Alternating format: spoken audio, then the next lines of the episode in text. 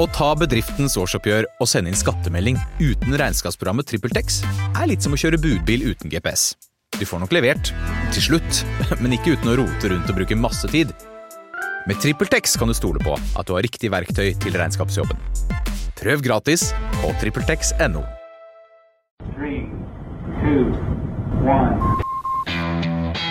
Okay, we checked all four systems and you're down. Yeah, we're still looking. Quality base here. The Eagle has landed. Velkommen inn i romkapselen til Eirik Mus og Nils Johan Halvorsen. When lift Overskriften i dag er- Det dugger på brillene dine, Eirik. Eh, igjen så Det har vi, eh, vi, har, vi er tre eh, varmegenererende herrer nok en gang i eh, podkasten. Overskriften i dag, Eirik, er jo kanskje et av ikke mine verste mareritt, men litt sånn fascinerende gøy dommedagsgreie. Nemlig. Syns, har jeg lyst til å si. Uh, fordi det skal uh, selvfølgelig handle om verdensrommet, som det jo alltid gjør, men vi skal uh, til den gule kula i all hovedsak der oppe, som vi er så avhengig av, men som er akk så lunefull. Månen? Eh, sola. Prøvde jeg å være litt sånn Ja, ja. eh, Jeg ville bare prøve å se. Du, du, du var så godt i svulstig siget at jeg ville ta deg ut av det. Det er dårlig gjort. Ja, ja. Nå, er jeg, nå er jeg ute av siget. Uh, Pål Brekke. Ja. Uh, hei, Pål. Hei sann. Det er jo litt, det er jo litt sånn en av toppgjestene, Pål Brekke. Eh, helt klart. Og det- altså, jeg er helt sikker på at veldig mange av, av lytterne våre har, har sett deg, Pål. For du har jo jo liksom klippekort i diverse Når det er noe om rom i Norge, så er det veldig ofte deg, NRK, ikke minst TV 2. Ikke sant? Nyhetskanalen God morgen Norge. Ja, stemmer det. Og det men det er en veldig fin gjeng å jobbe med, faktisk. TV 2 syns jeg har vært veldig flinke til for når de har en sak i God morgen Norge eller på Nyhetskanalen, så avtaler dette gjerne en tre-fire dager på forveien. Og da har vi vært flinke også til å bidra med stoff, og særlig videomaterialer. Og så går vi gjennom en del ting, og så velger vi ut hva vi skal bruke under sendingen. Og, så De bruker faktisk ganske mye tid på hver nyhetssending når det gjelder verdensrommet. Og det syns jeg er litt artig, at de faktisk tar seg tid til det. Det er hyggelig å høre, for si, der, der har de jo faktisk skjerpa seg. Og ikke minst God morgen Norge. Altså aldri har norske bestemødre visst så mye om rommet som nå, ikke sant? Ja, var En gang vi hadde en sending på uh, Nyhetskanalen. Ja. Det var sånn, tror jeg, 11 minutter langt innslag. Og vi gikk altså gjennom på en minutter, skjerm som er 15 meter lang. Mm. Så satte de opp Drakes ligning. Så gikk vi gjennom ledd for ledd. og det er første gang i verdenshistorien. Og det har altså, nemlig, og den har jo egentlig vært litt tema da vi snakket om liksom, hvor er de hen i universet og sånn. ikke sant? Altså Sannsynligheten for liv der ute og sånn. Vi skal nok tilbake til det en gang. Jeg visste ikke at uh, de var så nerdy eh, i TV 2. Nei, men det er, eh, det er i stor grad der. det, Pål. Det veit jeg jo. Jeg vet at det er, Du har greid å få fram deres indre nerder, og det er alltid, det er jo vi nerder veldig glad for. Men i dag skal det ikke handle om det. I dag skal det jo altså handle om Det du sa var så skummelt. Hva var det, Nils? Sola, og, og det er vel og bra at den gjør fine ting, men den kan også gjøre ganske kjipe ting eh, med oss. Er, hvor mange andre er det som har tittelen solforsker i Norge, Pål? Ja, Det er faktisk en god del Norge, for Norge har vel kanskje verdens største solfysikkmiljø og verdens beste solfysikkmiljø. Mhm. Og det skyldes ikke at eh, jeg og Eirik var der en gang i tiden, men eh, vi har altså bygd seg opp eh, Men det skyldes faktisk at det var en langsiktig strategi for lenge siden. At man satset på Mm. romforskning med sola og, og bygde opp et miljø der. Og det har vokst og vokst, for de har vært innmari flinke. Og de har fått eh, gode bevilgninger fra, fra både Romsenteret og Forskningsrådet. Så det gjør jo at du da har det som Aftenposten i gamle dager kalte solid bakgrunn for egne meninger, når vi i dag da skal snakke om solstormer og satellitter, for nå er vi altså endelig ved poeng her. Det er veldig mye å si om sola. Den er gigantisk, og det skjer masse rart her og sånn, men eh, jeg ble jo nysgjerrig på dette, for jeg, jeg følger deg jo på Facebook, og jeg kan oppfordre, oppfordre andre til å gjøre det også, for der er det mye romstøff. Eh, og du la ut noe for noen uker siden som var altså rett og slett eh, A day without satellites. En dag uten satellitter, Pål. Og da får i hvert fall jeg litt frysninger på ryggen. Jeg vet ikke åssen det er med deg, Nils? Jo, jeg, altså, som jeg sa innledningsvis her, var jo dette, dette her er jo både sånn marerittaktig, men også fascinerende, fordi jeg ser for meg da Jeg er jo veldig glad i postapokalypse. Eh, og hvordan ville jeg da tedd meg, og hvordan ville jeg klart meg i en sånn postapokalyptisk verden? For vi snakker jo nå om fenomener som faktisk kan adstedkomme en eller annen apokalypse. Stor eller liten, ikke sant? Ja, og det, det, det som kanskje er bakteppet her, er at uh, det er veldig mange mennesker som ikke forstår at veldig mye av det du er avhengig av hver dag, og som du bruker i hverdagen og tar for gitt, det er kan du si, knytta til satellitter. Og Hvis de forsvinner, så vil mange av de tingene man bruker til daglig, forsvinne. Og Det er det vi prøvde å sette fokus på her. da, og Jeg husker fremdeles for mange mange år siden så var jeg i New York og tok taxi inn fra flyplassen for å gå på en romværskonferanse. Og Da spurte han meg hva jeg drev med, og så sa jeg at jeg drev med romvær og hvordan satellitter kanskje kunne bli slått ut av, og da ville mye stoppe å fungere. F.eks. navigasjonssystemer. Og Han bare så på meg og så sa han, ja, men det bryr ikke jeg meg om, for jeg har jo en GPS i bilen. Han peker på skjermen sin. Så, så det er mange som ikke skjønner at det også brukes til satellitter. Ikke sant? Altså GPS, uh, all mulig slags telekommunikasjon, ikke sant? Ja, banken, jordovervåkning. altså Bankene bruker det, transaksjoner, børsene bruker GPS-klokka. Masse sånne ting som er helt nødvendig i dag for at eh, ting skal fungere. Inni det du sa nå, så var det et ord. Du sa romvær. Så liksom back that space weather truck up a bit. Hva, hva er romvær? Det- Romvær er en sånn fellesbetegnelse på de prosessene på sola, hva, hva, de har, og, og, og hvordan det påvirker vårt nære verdensrom. Så vi har altså vær i verdensrommet, og, og da er det jo også utbrudd på sola og solvinden og, og kraftig røntgenstråling som påvirker systemet vårt. Og det påvirker både atmosfæren vår, men det kan også påvirke satellitter direkte eller indusere strøm i kraftledninger. Alt dette har en felles betegnelse som romvær. Ja, altså for det, altså det, for jeg tenker sånn, Du sier vær, ikke sant? Og jeg tenker sånn vind, ikke sant? Men altså Du har solvind, men solvind det er jo ikke da Det er ikke vanlig vind, ikke sant? Nei, du kan liksom ikke seile med den i solnedgangen. for å si det. Du kan seile med solvind, kan du ikke det? Jo, i verdensrommet kan du Ja. det, men ikke her på bakken. Eh, Så, men solvind er altså en strøm av partikler som solen hele tiden sender ut, i alle retninger. Og det var det jo Birkeland som, som var den første til å påstå måtte eksistere. Han Og- var på pengeseddelen.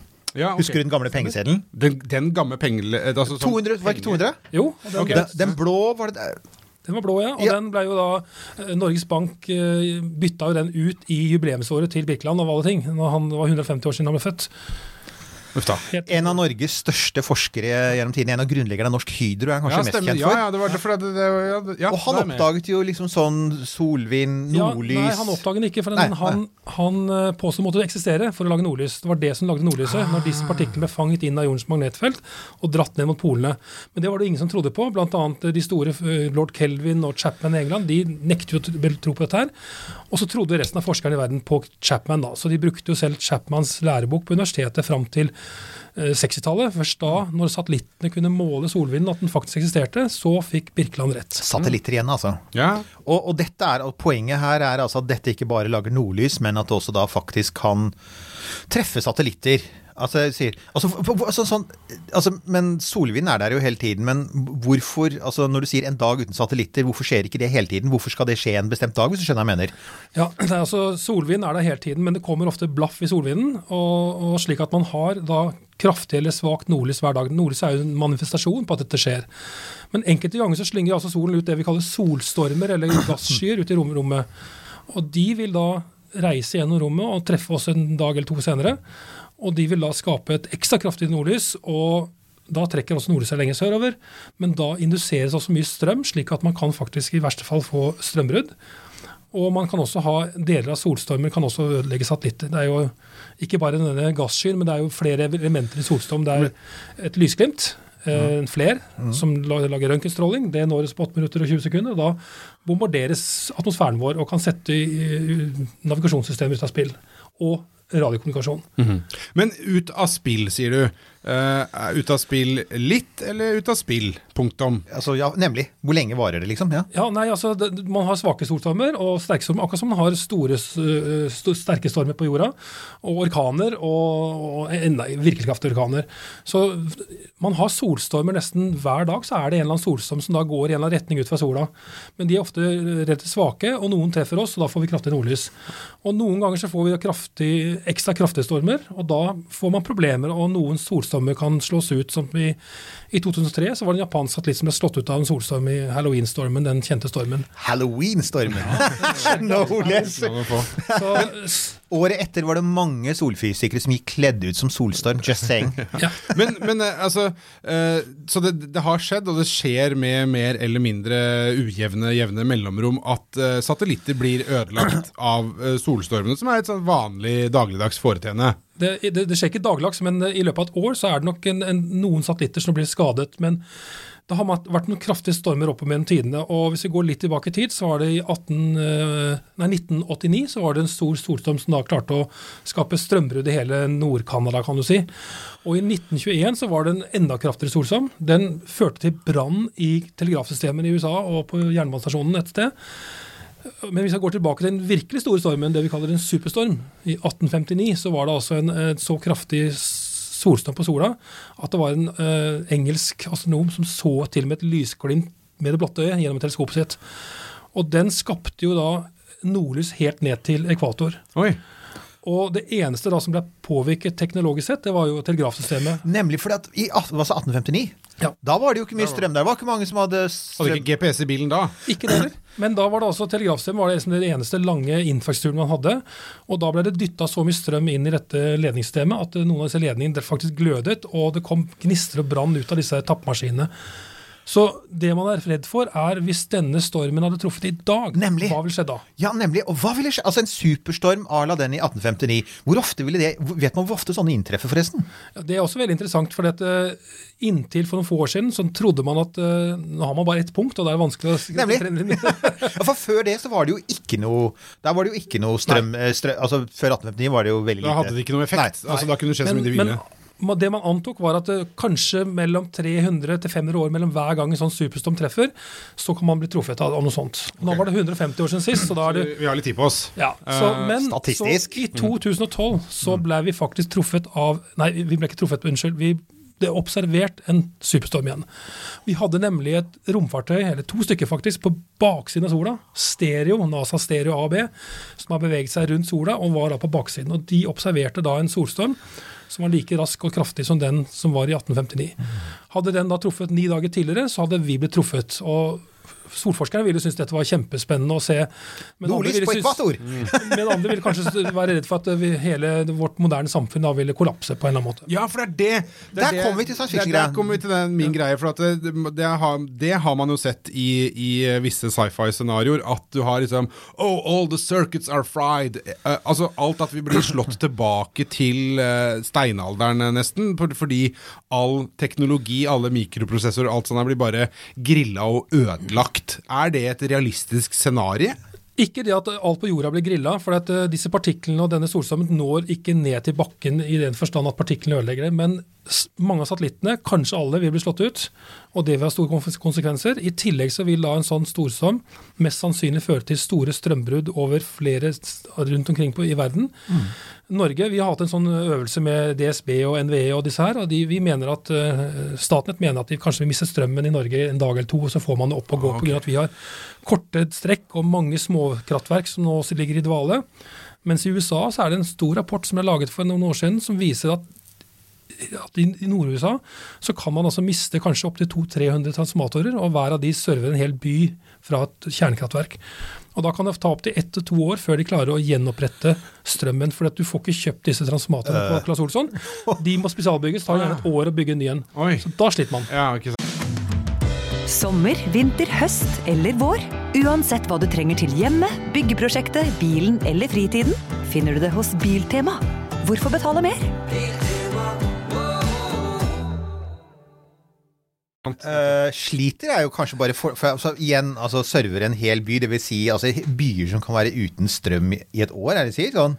Ja, ikke sant? Og du kan tenke deg Sykehus har jo Eh, ja. men du kan ikke kjøre The Walking. Dead, tenker jeg da. Ja, ja, det, jo, det var det. Så du, det da, da er vi jo Da er det looting og, og pillage and raping all over the town, altså. Ja, og det er jo, det er jo faktisk en, en ganske artig norsk bok som er skrevet av en uh, kvinnelig forfatter i uh, Sarpsborg, tror jeg, Mm. eller Fredrikstad, som heter Solstorm. Og der går på dette her superstormen, hvordan hele Norge da mister strømmen. Og hvordan de som har vært smarte til å være de første til kanskje løpe inn i et kjøpesenter og rappe en handlevogn full av batterier, de kan jo da kingse det til seg senere med, som betalingsmiddel, mens de andre har jo ikke noe å Ja, det er faktisk en, det var også jeg tror, en norsk forfatter som heter Øyvind Stene, tror jeg han heter. Han, jeg var faktisk sånn, litt sånn fagkonsulent på den boka hans, for han, han skrev også en science fiction-bok som, som handler om eh, Jeg tror den heter De troende, kom, for, kom i fjor, tror jeg. Den er også in- innmari interessant, for der er poenget igjen at det har skjedd en sånn superstormaktig ting. Eh, og, og hele kontinentet har liksom sånn De kom aldri i hakk igjen fordi at de mista strømmen så lenge at det bare gikk til Ja, ja. grunne. Ikke sant? Og det er jo altså, Men her er jo saken Ok, vi veit at dette kan skje. Du reiser rundt og holder disse foredragene. Hva slags folk er det som hører på deg? holdt jeg på å si? Jeg, Ja, Det var første gang jeg holdt dette foredraget en dag uten satellitter. Det var, da var jeg invitert av DSB, da, Direktoratet for samfunnssikkerhet, som da har sånn en årlig sikkerhetskonferanse. og Da snakket jeg om akkurat dette her. Jeg lagde et foredrag som tok for seg dette her. Hvis du da tenker at eh, alle satellittene forsvant av en eller annen grunn, det var asteroide, eh, solstorm eller eh, hva som helst. Så våkner du opp om morgenen kanskje, ikke sant? og klokka sju om morgenen så skrur du på TV-en din, og så får du ikke noe signal, for du har sett litt TV i huset ditt. Men skru på radioen, da, den er- funker jo ennå. For at det, det kan jo være DAB eller hva som helst. Det vil jo gå gjennom eh, internett eller andre ting. Og så hører du at nyhetene på NRK melder at børsen i Tokyo er stengt pga. tidssynkroniseringsproblemer. De har ikke satellitt-GPS-klokka lenger. Og så prøver de å sette over til sin eh, reporter, da, og så får de ikke tak i han videre. Kanskje de må bruke Skype da istedenfor sin satellittlink. Og så plutselig så mister da også øh, USA Sitter noen folk i bunkers i USA. De mister kontroll over alle dronene sine over Afghanistan med masse våpen i. og Det blir da kanskje fort en krise. Så, så begynner det å balle på seg. ikke sant? Og, Så samfunnet vil sakte, men sikkert da begynne å få problemer når man ikke har tilgjengelig satellittinformasjon. Uh, særlig klokka GPS den gir oss da en veldig nøyaktig tid. Det er derfor reiser du til USA, så skrur du på mobilen, så har den riktig klokke med en gang. Ja, pluss at hele, det får den fra GPS-klokka. Pluss at hele internett baserer også internett seg på at alle klokker er samkjørte. ikke sant? Altså at Ja. Alle pengetransaksjoner, som du sier, men også i det hele tatt liksom alle pakketransaksjoner er vel egentlig avhengig av at du har Veldig sånne. nøyaktig. Ja, og det som skjer da, at øh, hvis da datamaskinen som da, eller serverne bruker da kanskje GPS-klokka for å få nøyaktig tid, det er lettere å få tak i den enn en atomklokke. Det er derfor må folk bruker den. Den er gratis å bruke. Så vil jo da kanskje disse maskinene må gå over til en internklokke, og den er ikke så nøyaktig. Så får du kanskje tiende sekund feil rundt omkring, og da begynner hele systemet å bli tregere. De klarer ikke å kommunisere raskt nok. Og på et tidspunkt så går jo da hele internett ned, og det kan jo være kjipt for mange. og Jeg har jeg fortalt en historie av hvordan liksom dette er med ungdom i dag. De er helt avhengig av å ha eh, nettbrettet sitt og kunne kommunisere. og Da var det en jente som påstod på Facebook at eh, i går så var internett nede. Så da gikk jeg ned og snakka med foreldrene mine, og de var jo faktisk ganske hyggelige mennesker. Dette er oppsiden av zombieapokalypsen. Det er noen gode ting. Ja, ja, at man får bedre kontakt med foreldrene sine før de blir spist. Nemlig! Kjempeålreit. Men eh, eh, har du da på noe som helst tidspunkt sittet eh, Paul Brekke, og tenkt at eh, app, app, app, app, vent, er nå det så lurt? Altså når man eh, liksom skal skalere ut nye ting og nye systemer, og med det du vet om ting som kan skje, har du da reist eh, sammen d- d- Nei, men d- har dere tenkt på? Det var jo det vi egentlig hadde under den øvelsen vi hadde i Norge med DSB, Statnett, NV og Telenor. Det var at hvis en sånn solstorm treffer oss, da gikk vi ut fra en 1921-storm, ikke den aller verste. Hvis man da mister ulike systemer, sånn som mobilmassen, hvis de er helt avhengig av GPS-klokka, så, må de- så må du legge inn i systemet at de skal gå over til et backup-system, altså hente klokka et annet sted. Hvis du bare baserer på GPS-klokka, så, så sliter du. Så det er det å gjøre folk oppmerksomme på dette her. og jeg tror det er så mange som nå tar den klokka for gitt eh, fra GPS, at eh, de har lagd et system som kanskje ikke tenker på det at den forsvinner. Og Det var en romværskonferanse i USA for en stund siden. Da var han sjef for GPS da i, USA. Han sa det at de alltid lurt på hvordan vi skal få folk til å være klar over dette her. Kanskje det beste er bare å skru av GPS-en et døgn. Se Ja. hvem som skriker høyest. Men du, det er jo, inne på det med skru av. fordi at Du snakket jo om dette med disse superstormene. altså At man hadde sett en superstorm for noen år siden som heldigvis ikke traff oss. Men, men det med romvær Kan man lage værvarsel? Fins det et yr.no? For, for, for, for som du sier, det tar jo Altså, du får et flash først, men så tar det noen dager, ikke sant? Kan man, kan man liksom forberede seg hvis man vet at den kommer? Er Ja da, det, det gjør man. Og det er slik at uh, disse solstormene det er jo sammensatt av flere ting. Dette lysflashet, dette glimtet, blir som å bli slått ned av lynet. Så når vi observerer det fra Nemlig. jord, når vi observerer fra jorda fra en satellitt, så er vi aldri truffet. Da begynner radiokommunikasjonen å begynne å bryte sammen allerede. Men så kommer da disse, noen ganger disse høyenergiske partiklene. De kommer på en time. Og det er de som er farlige for mennesker i rommet og satellitter. Og så på med gasskyen eh, en dag eller to etterpå. Så ja, de lager varsler. Man ser ting skje på sola, og så bruker man data fra satellittene og ser at denne gasskyen har den hastigheten og ankommer ca. kanskje i morgen klokken tolv. Hei, hei, hei, hei. Gass, gassky, det var det ingen som eh, advarte meg mot. Altså, hva, hva, hva, hva snakker vi da? Hva inneholder den, og hva bør vi tenke på det? Det er en sky som består av ladepartikler, ladde partikler, altså elektroner, protoner, og magnetfelt. Drar med seg altså magnetfelt. Så det er en, en stor gassky med eh, Man kan jo kalle det nesten haglskur, da, på en måte, på jorda. Men eh, den treffer jo ikke jorda seg selv, den treffer jordens magnetfelt. Og, og vil påvirke den og riste på den og lage det vi kaller en geomagnetisk storm. Mens eh, røntgenstråling den når helt ned i atmosfæren vår og ioniserer den og forstyrrer den. Og disse farlige partiklene de blir også stoppet stort sett av jordens magnetfelt. Noen trenger inn, sånn at de på romstasjonen de får ikke lov til å være på utsiden når det er kraftig protonskur fra sola. Da må de på innsiden og ofte gjemme seg i den russiske delen. Den har litt tykkere vegger. da.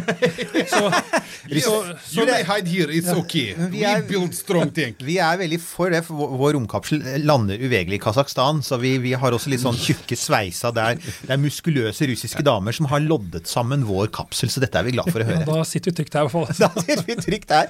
Men, men altså, men det du har sagt nå, er jo litt sånn eh, Det er jo, det er jo litt urovekkende.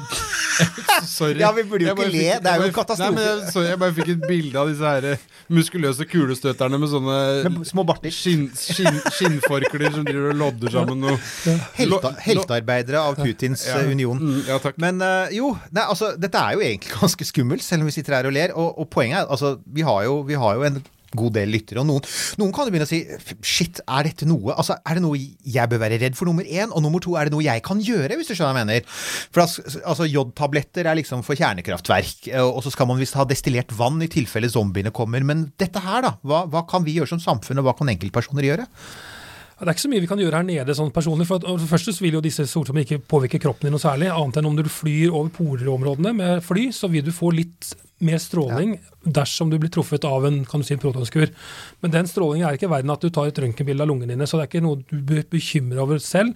Men det er en bekymring for de som er besetningsmedlemmer. De, alle flyselskapene i verden nå de må uh, holde styr på hvor mye stråling besetningsmedlemmene får. Og da har de ikke noe dosimeter om bord lenger. De bruker altså modell ut fra uh, hvor mye protonskurene kommer inn. Og så antar de da hvor mye stråling vi får, avhengig av høyde og hvor det flyr.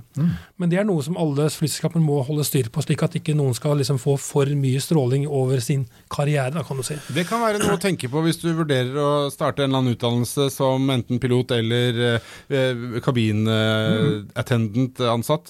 Husk på det at eh, du blir litt nuka. Guide i. Tsjernobyl-sonen, eller, eller ja, jobb på fly. Men, ja. men, men, uansett, men det andre er da, ok, så du kan ikke gjøre sånn som privatperson, men, men fins det noe, finnes, altså, finnes noe varslingssystem? Altså Hvis det skulle dukke opp en sånn storm, da, vil det være sånn viktig melding, lytt på radio, og så dør den? Men jeg mener, finnes det noe, vil vi få vite det? Ja, det vil vi. Og, altså, USA har kommet lengst dette her. De har jo da romværssenteret sitt i Boulder, Colorado.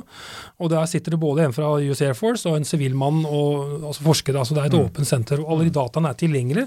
Du kan selv gå inn og abonnere på dette, her, avhengig av hva du ønsker av meldinger. Om du ønsker stråling eller CME eller altså røntgenstråling. Det er litt avhengig av hva du driver med selv som bedrift, altså hvis du har satellitter eller radiokommunikasjon.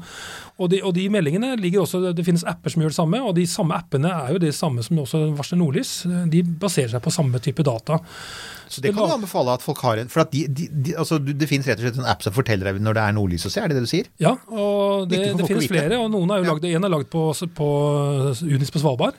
Til og med vært med å lage den selv. Du kan godt si hva den heter. Auroral Forecast. og Den vil da vise et kart som viser hvor nordlyset ligger til enhver tid. og Den baserer seg på målinger av en satellitt utenfor magnetfeltet vårt, som da sitter og måler solvindhastigheten, akkurat som en vindmåler. Det blir som omtrent som å ha en, en, en vindmåler på en plattform langt ute i Nordsjøen, som da kan fortelle eh, de som bor på kysten, litt før stormen treffer dem. Det er, eh, som kan brukes da til f.eks. Eh, japanere som skal lage barn under nordlyset, fordi da blir det penere eller smartere barn, eller hva nå det er for noe. Et, eller Ja. annet, et eller annet i den duren. Så da vet man det. Men, eh, men, eh, ellers, men når det gjelder sånne superstormer, da fins det altså eh, Fins det noen sånn beredskapsplan? Eksempel, som du sa, DSB har de, og, og, Statnett, har, har de noen sånne eksempel, altså, vil det hjelpe å skru av nettet vårt før den traff? Koble fra Nå bare tenker jeg høyt her, altså. Ja, det er riktig at eh, man har, eh, altså kraftselskapene har lært leksa si etter det som skjedde i Quebec. Og det man kan gjøre, er å, å, å rute om strømmen eller be, senke belastningen på transformatorene. For at når de kjører av 99% kapasitet, så skal det ikke så mye til før de da tipper over og, og blir overopphetet og brenner opp. Så det man kan gjøre, er å og faktisk beordre f.eks. industri til å skru av strømmen og sånne ting. Og det tror jeg også Statnett har tenkt på, hvordan de skal eh, redusere skadene hvis en sånn stor storm kommer. For den, den vil folk vite om. Det blir sendt ut, og i USA så har det kommet så langt at selv med Obama, en av de siste tingene han gjorde, var jo også å lage en executive order på romvær for han høyna det til en veldig viktig sikkerhetsrisiko for, for samfunnet. Ja, for det, det slår meg jo også at Vi har jo innført noen ny infrastruktur her. F.eks. stadig viktigere deler av transportinfrastrukturen vår. ikke sant? Altså Ikke bare elektriske biler, men alle biler i dag er jo datamaskiner. ikke sant? Og er jo ja, kobla til. ikke Ja, og I framtiden kan du tenke deg at alle autonome ting vil også bryte sammen, for de er helt avhengig av GPS-klokken. ikke sant? Og, og etter hvert så vil også flyene begynne å bli forsinket. De, de kan jo fly uten GPS. De har jo egne eh, gyroskoper og sånt for å finne ut omtrent hvor de er, og de har bakkebeacons og sånne sendere. Men de bruker en del systemer nå som oppdaterer de systemene via satellitt. Og så har de også dette nye systemet som ble satt inn nå etter at Malaysia Air forsvant. Så har også alle fly nå et, en, en, en tracker via satellitt. Så alle disse tingene vil jo også forsvinne. Og siden de da ikke heller får værmeldinger, nøyaktige værmeldinger uten satellitter, så vet de ikke hvordan været er over Atlanteren f.eks. Og da vil de ikke ønske å fly masse fly der når de ikke vet hvor stormene er. Så etter hvert så vil også flytrafikken stoppe helt opp. Ja, så tenker jeg, altså, det finnes jo, Mens vi sitter her og snakker, så er det jo en fyr som altså Elon Musk. En mann som nevnes like ja, nå, nå sukkes det litt opp Han nevnes nesten like ofte som Werner von Braun i Ja, denne sendingen. Greit, da fikk, da Da fikk jeg gjort det, det er han også nevnt. Ja. Men han driver jo planlegging. Han driver jo sender opp Han skal jo ha et nytt satellittnettverk. Starling kaller han det. 40 000 satellitter som skal levere inn. Altså Han sier han skal gjøre det. Eh, Og det skjer nå. De har sendt opp de første 120 satellittene, og de skal sende opp 40 000 til. Vil ikke, altså, vil, altså Poenget er vil ikke sårbarheten vår øke, da? Hvis, hvis du får liksom stadig flere ting i rommet, og altså et gigantisk satellittnettverk som skal levere bredbånd til halve kloten, liksom? Det er klart at man blir sårbare. Nå skal jo disse satellittene stort sett da overføre bredbånd til folk rundt omkring. Så hvis de forsvant for så, kan du si at da, ok, da mister du internettet ditt. Ja. Det er ikke noe krise for folk flest. Eh, Det som er viktig, er at hvis det er de satellittene som, som er, henger på inn, altså kritisk infrastruktur på jorden, Nemlig, da blir det litt verre. ikke sant? Da mister GPS-signalet, Galileo, all radiokommunikasjon, eh, værmeldinger, alle disse tingene. Så blir det litt verre. ikke Mm. sant? Og, så det er jo klart at eh, det som kan skje med disse satellittene, er at eh, når du får en solstorm, eller blir truffet av denne røntgenstrålingen, UV-strålingen, Mm. så treffer den atmosfæren vår, og da varmer den opp atmosfæren. Og så eser den ut.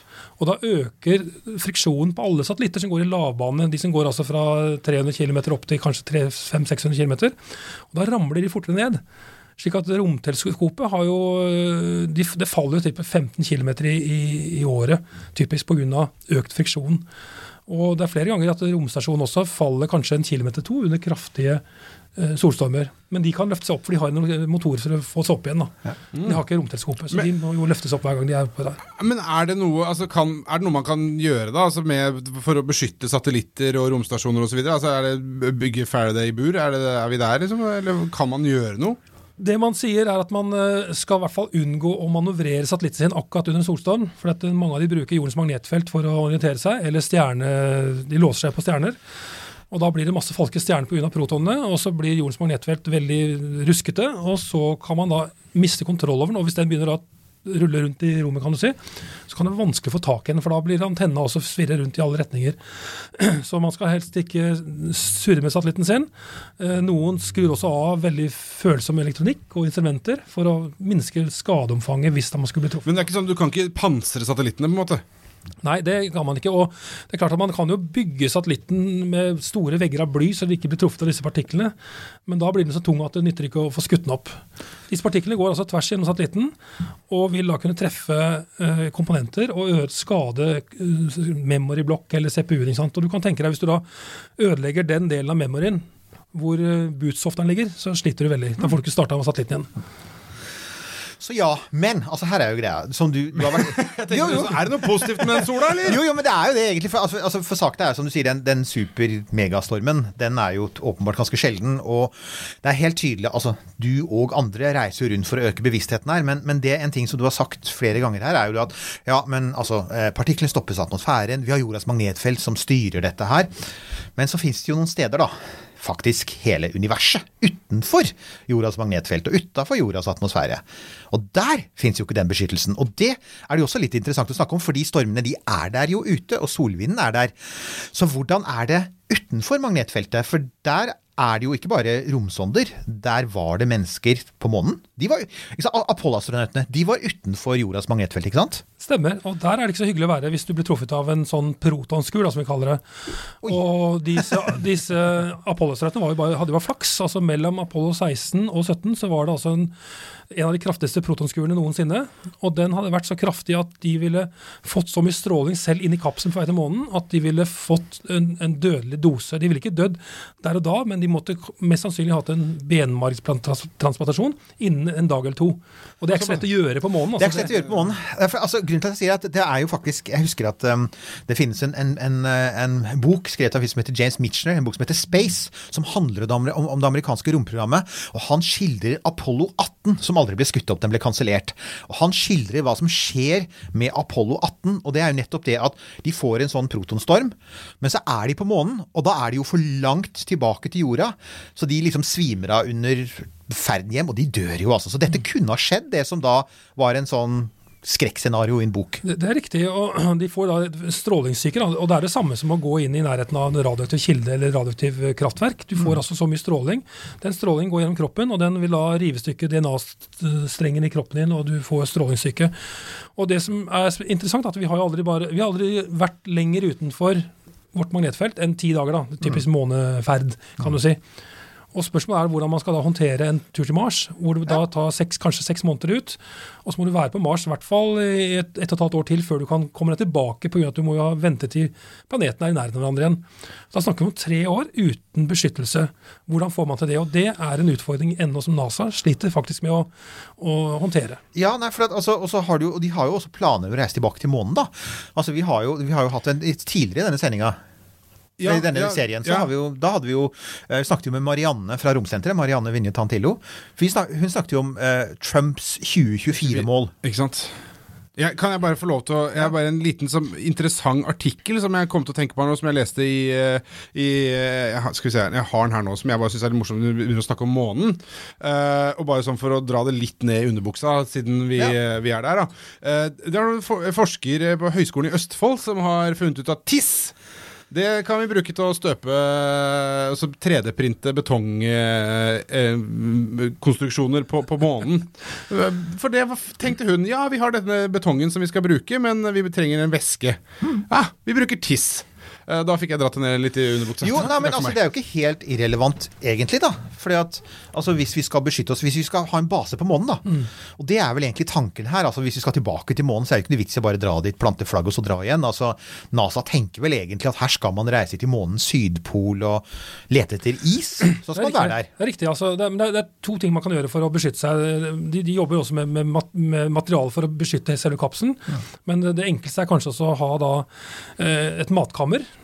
eh, En, altså vanntanken som en termos. slik at eh, Hvis det blir da en solstorm som kommer, så kan man gå inn i vanntanken inn i termosen. kan du si.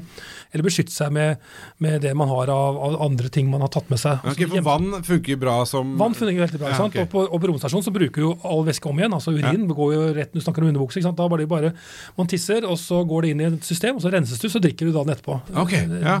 Ja, Det det- bruker vel 98% av vannet om igjen på romstasjonen, for det er så koster så mye å dra det opp. Det er jo her vi da skal bare minne om at all, altså alt vann vi drikker er jo egentlig resirkulert urin, da, siden det går ut i havet og kommer tilbake med regnet. Men, men det er litt lengre syklus. Og, ja, så, så egentlig, men altså, siden vi allerede du, du åpnet denne døren, som han sier, Nils, så da, hvis du har lyst, så kan du lukke den igjen, Jeg eller du kan ta det videre. Jeg åpnet den smekken der, og det Det har en tendens til å skje i denne her. Men du nevnte jo en ting, at men når du først er på månen, Ja. så må du også beskytte deg, for månen har jo ikke noe magnetfelt, eh, og heller ikke Mars. Så da er jo planen at man skal lage en bunker, altså, eller bo i kapsel som, som er beskyttet. Da. For at, eh, ellers så vil man også bli stekt der av disse partiklene, kan du si. Og det er, ja, og det er, jo, altså det er jo, som sier, det er jo høyst reelt, fordi en ting er liksom disse, altså, altså disse stormene som kommer av og til, men det er jo også sånn at jordas magnetfelt og atmosfære beskytter oss også, for det kommer jo jevnt og trutt òg, ikke sant? Altså, det er jo alltid partikler der ute. Det er alltid Ja, noe som galaktisk kosmisk stråling heter det, og det kommer fra eksploderende stjerner, og det bombarderer oss hele tiden. Uh, og, og, og det skjer jo hele tiden, ikke sant? Og, den, og din, den strålingen er ofte litt høyere energi. Så den er ikke så veldig morsom å ha på seg, men den er som svak og, og jevn. Men så får du disse store pikene da, når du har en kraftig solstorm som er ikke så veldig Men, men bare en ting er, altså vi, vi vet nå at uh, disse partiklene, solstormene, er ikke bra uh, for uh, vår elektronikk, eh, da spesielt eh, satellittbasert. Men vi har jo da vært inne på det, Mars og månen. Ferd dit, og du sier at dette er en utfordring, eh, og man skal beskytte seg mot stråling. Og det har vi jo vært innom flere ganger, at eh, dette her med stråling er en viktig faktor eh, når det kommer til lange reiser. ikke sant? Og det er sju måneder å komme seg til Mars. ikke sant? Men hvor stor, i hvilken grad er det en utfordring som, som legger en eller annen form for eh, demper da, på Mars-entusiasmen, for å kalle det? Jeg tror de fleste eh, kommer til å, å rase av gårde til Mars eller månen eh, uansett. For at eh, strålingsproblemet vil man prøve å løse da med at man har eh, materiale rundt seg når disse stormene kommer. Og når man kommer fram, så må man også ha en måte å beskytte seg på. på Men, så det er, de- det, er den, det, er, det er de pikene man snakker om når man snakker om den strålinga, ikke sånn den konstante til- til- tilstedeværelsen av Begge deler er, er, er skadelig, og man ønsker egentlig ikke noen ting. Og det som er artig med kosmisk stråling, er jo at når sola er veldig aktiv, så skjermer den hele vårt solstem for disse strålene. Da er det veldig få kosmiske stråler som kommer. Så sånn sett er det eh, kanskje, Da kan man tenke da er det lurt å dra, for da er det mye lite kosmisk stråling. Men da er det jo flere av disse andre stormene, kraftige børsene. Men hvis man drar på so- solminimum, ikke sant? Da er det jo eh, nesten ikke solstormer, men da er det veldig mye høyere kosmisk stråling konstant. Du sa noe der. Du sa solminimum, bare sånn for eh, lytterne der ute. Hva, hva snakker vi om da? Ja, Solen har denne merksnodige kan du si, 11-årssyklusen som ennå ingen forstår hvorfor det er der, men den går altså fra å være veldig aktiv, den har kraftig magnetfelt, mange solstormer, mange solflekker, og så går det i en periode da, sånn fem år senere til å være veldig rolig og ikke ha noen solflekker og lite solstormer. Så dette er en syklus som da man har sett nå siden nesten Galileo begynte å bruke teleskopet sitt. Hvor er, forresten, hvor er vi nå i liksom, den syklusen? Vi er nå nærmere oss solminimum. Vi har vært gjennom en solmaksimum for noen år siden. og Dermed så blir det altså litt mindre solstormer, litt mindre kraftig nordlys. Og, øh, men så vil vi da gå opp i en ny syklus igjen. Slik at øh, Man skal også tenke litt på når man sender opp satellitter. For dette, igjen dette med at de, de ramler ned. Jeg har et morsomt plott da, som jeg bruker i foredraget mitt, hvor du ser høyden til satellitter som ligger i sånn 400 km høyde. Eh, og hvordan de aldri overlever et solmaksimum. Blir skutt opp under solminimum, men så fort det da solmaks kommer, så sender mer UV-stråling. Så eser jordens atmosfære opp. Og da detter de ned, med mindre de har en liten rakettmotor som kan løfte seg opp. da. Så det må man planlegge godt hvis man skal sende opp eh, en satellitt. Og jeg tror tingen er at eh, levetiden for eh, ingeniører i satellittbransjen er kortere enn 11-årssyklusen, så de har glemt det neste syklus. Og da snakker vi om over, overført betydning, ikke sant? Ikke stråling. Som, Nei da. men, du, men du sa altså at De blir ikke tatt nå med ut skur og Nei. eh, men du sier, altså, Det betyr at vi går mot et maksimum om ja, sånn type fem år, da kanskje? Ja, syv-åtte år, tenker Ja, jeg. Syv-åtte år, ja. Og det vil si at det er omtrent da ja, det er omtrent da NASA har tenkt å reise tilbake til månen, det.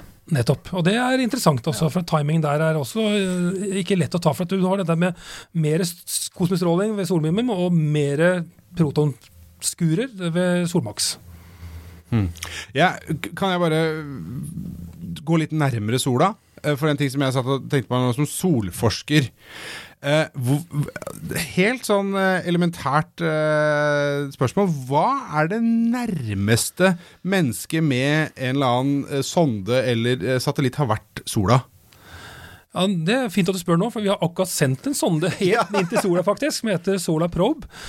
Eh, og den er altså nærmere noen annet har vært sola, kan du si. Og den har også satt verdensrekord i hastighet. Det er vel oppe i er 80 000-90 000 km i timen. Det er altså vanvittig fort, for de måtte få en stor hastighet for å klare seg å komme seg inn mot sola. Det er mye lettere å sende ting ut i solstemmet. For å komme seg inn så må du både motarbeide eh, jordens hastighet osv. Men den er da Nå husker jeg ikke akkurat i farten eh, hvor mange millioner, det er noen få millioner kilometer. Det snakker altså om kanskje en prosent eller to av avstanden til sola. Så det er veldig nærme. Og den, den subber da inni kan du si, solens utstrakte korona. Der er det jo to millioner grader varmt. Ja, det var litt det jeg tenkte på. Hva, den må jo dø inni der. Nei, og det er det som er så interessant. Altså, den den er, har et varmeskjold. Den har alltid det skjoldet foran seg mot sola. Og ser den egentlig sidelengs, da, for kameraene ville også smelte hvis de sto på utsiden. Ja. Men det skjoldet tåler bare 1500 grader.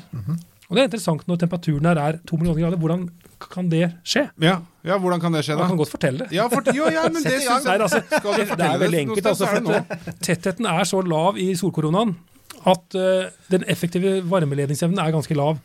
Analogien er jo det at når du, når du står på kjøkkenet og koker egg, og så, så putter du ikke hånda oppi der og plukker opp et egg i 100 grader varmt vann. Men når du baker boller i ovnen, så har du 200 grader inn i ovnen, og så åpner du ovnen, og så tar du hånda inn og tar ut bollen og tar den ut. Ja. Og Det skyldes at lufta inni der, selv om det er 200 grader, så er det få partikler til å overføre varmen på hånda di. Og Det er litt av det samme den sonna føler der den er. da. Ja, jeg, jeg kjøper den, men så kjøper jeg ikke helt måten du tar ut boller av ovnen på. Det jeg merker, jeg ville tatt ut brettet, jeg også, men, men det er altså, noe altså, annen sak. ja, men ofte, Men jeg tar den. Ja, ikke sant? Jeg har også hørt den der, altså, ikke sant? Altså at eh, inni en badstue så kan det bli sånn så ca. 100 grader varmt på det verste. Altså lufta kan bli det, men du vil jo ikke sitte i 100 Koker grader varmt vann. Du, altså du koker Nei. Ikke, Nei, for ikke sant? lufta har ikke liksom nok energi til å koke deg. Da. Men du merker det når du hiver på litt mer vann. Da kjenner du plutselig at det blir Da- litt mer eh, effekt av den derre Ja! Men, Så det er forskjellen på temperatur og varme. Nå er vi på litt sånn, sånn ja. fysiker. Men det er, det er for så vidt nyttig. Det er jo dagens nyttige lærdom. Så folkens, eh, ikke putt hånda i 100 grader varmt vann. Nei, Ikke gjør det hjemme. Det, det er derfor dere hører på denne podkasten, for å lære det. And this public service announcement was Ja, Noe må det jo komme, siden det da helt tydelig ikke er sånn Du får sånn sirene sånn Nå kommer det en solstorm. Det er sånn, men den appen, altså. Men eh, nei, altså så, så For å komme tilbake til dette, så er det klart at en av de tingene som eh, Dette med at Sola er der, den kommer til å fortsette av disse utbruddene. Så vi kommer altså Og det er sånn faktor vi ikke tenker på da, når vi liksom tenker på sånn romfart og slike ting. For altså disse skyene altså jeg, jeg antar at jo lenger ut du kommer, jo mindre er sjansen for å bli truffet av en. Da, sånn at, for vi, I dag snakker vi om å reise til månen og Mars, men eh, vi har jo sendt romsonder langt ut i solsystemet. Åssen, åssen, åssen blir de påvirket? Sånn, de som vi har sendt til Jupiter og Saturn og, og Pluto og sånn. Altså Solstormene når jo helt ut til kanten av solstemmet vårt, men de blir jo svakere og svakere, for de, de brer seg kan man si, utover uh, i, i, i vinkel, altså, kan du si, og, og dermed så eh, Men man har jo målt disse solstormene også. Cassini målte jo noen ganger solstormer. ikke sant? Og Det var ute ved. Saturn, ikke sant? Saturn Ja. og, og Voyager og sånt, som er helt på kanten av solsystemet, de har også målt effekter av, av solvinden, selv om den er svakere der ute. Så, så hele solsystemet påvirkes. Og du ser bare på Saturn og, og Jupiter, så ser man også nordlys og syd, sydlys. De, så lenge en planet har en atmosfære og magnetfelt, så vil de også oppleve nordlys. Så der kan man også kanskje sende nordlysturister, hvis det blir for mange japanere i Nord-Norge. Så er det jo et sted man kan sende de også. Ja. ja da, det var greit å vite. Send det til Saturn. Her er det plass. Uh, Vi føler oss ganske informert nå, gjør vi ikke det? og ikke minst bestrålt. Ganske bestrålt. Vi gjør det. Nå sitter vi altså Vi, altså, vi er jo da eh, i denne romkapselen vår, også kjent som en kjeller på Frogner. Eh, men vi er, men før vi da liksom er på vei ned hvor vi, vi, vi pleier altså sagt alltid å lande i Aserbajdsjan Nei, Kasakhstan. Kasakhstan. Og hvem er det som tar oss Jeg glemmer alltid navnet hans. Eh, Den klamme hånden til, til Nur Sultan Nazarbayev venter oss eh, om ikke veldig lenge. Kasakhstans eh, leder. Eh, som som han aldri vil slippe oss inn hvis han noensinne hører på denne. Men vi er altså på vei inn. Vi kjenner liksom sånn den øvre atmosfæren eh, ta tak i eh, romkapselen vår, og om ikke så veldig lenge så er vi nede. Men før vi lander, så må vi altså da minne om at eh, vi har en Facebook-side. Der kommer vi til å Der er vi aktive og svarer på spørsmål. Vi har en blogg. Der pleier vi å legge ut litt pekere også til stoffet vårt. Romkapsel.no. eh, Ja. Gå inn der, og der kan du også spørre oss om ting. Eh, Stille spørsmål, komme med tilbakemeldinger, og så kan vi jo følge opp det i en senere sending. Hvis det er f.eks. noen som lurer mer på dette med og er bekymret for solstormen, men det er ikke så veldig Altså, det er, det er fremdeles sjansen for at akkurat vi skal ende opp med å gå rundt i sånn lendekleder med knokler mellom tennene. Den er ganske liten, er den ikke det? Den er ganske liten, altså. Og, vi, og som sagt, vi vet jo ikke ennå hvor stor effekten blir. Vi har aldri opplevd det før. Så derfor er det litt spennende også at det kan jo være at vi klarer oss bedre enn vi tror. Ja. ja, der er det mange Spennende, som forskere sier det, når sivilisasjonen går under. Ja, og vi klarer, klarer oss bedre enn vi tror. Legg merke til de ordene der fra Pål Brekke. Og husk, folkens, bruk solkrem. Uh, så så uh, ja. Takk for nå. Denne Podkasten er produsert av Tid og Lyst.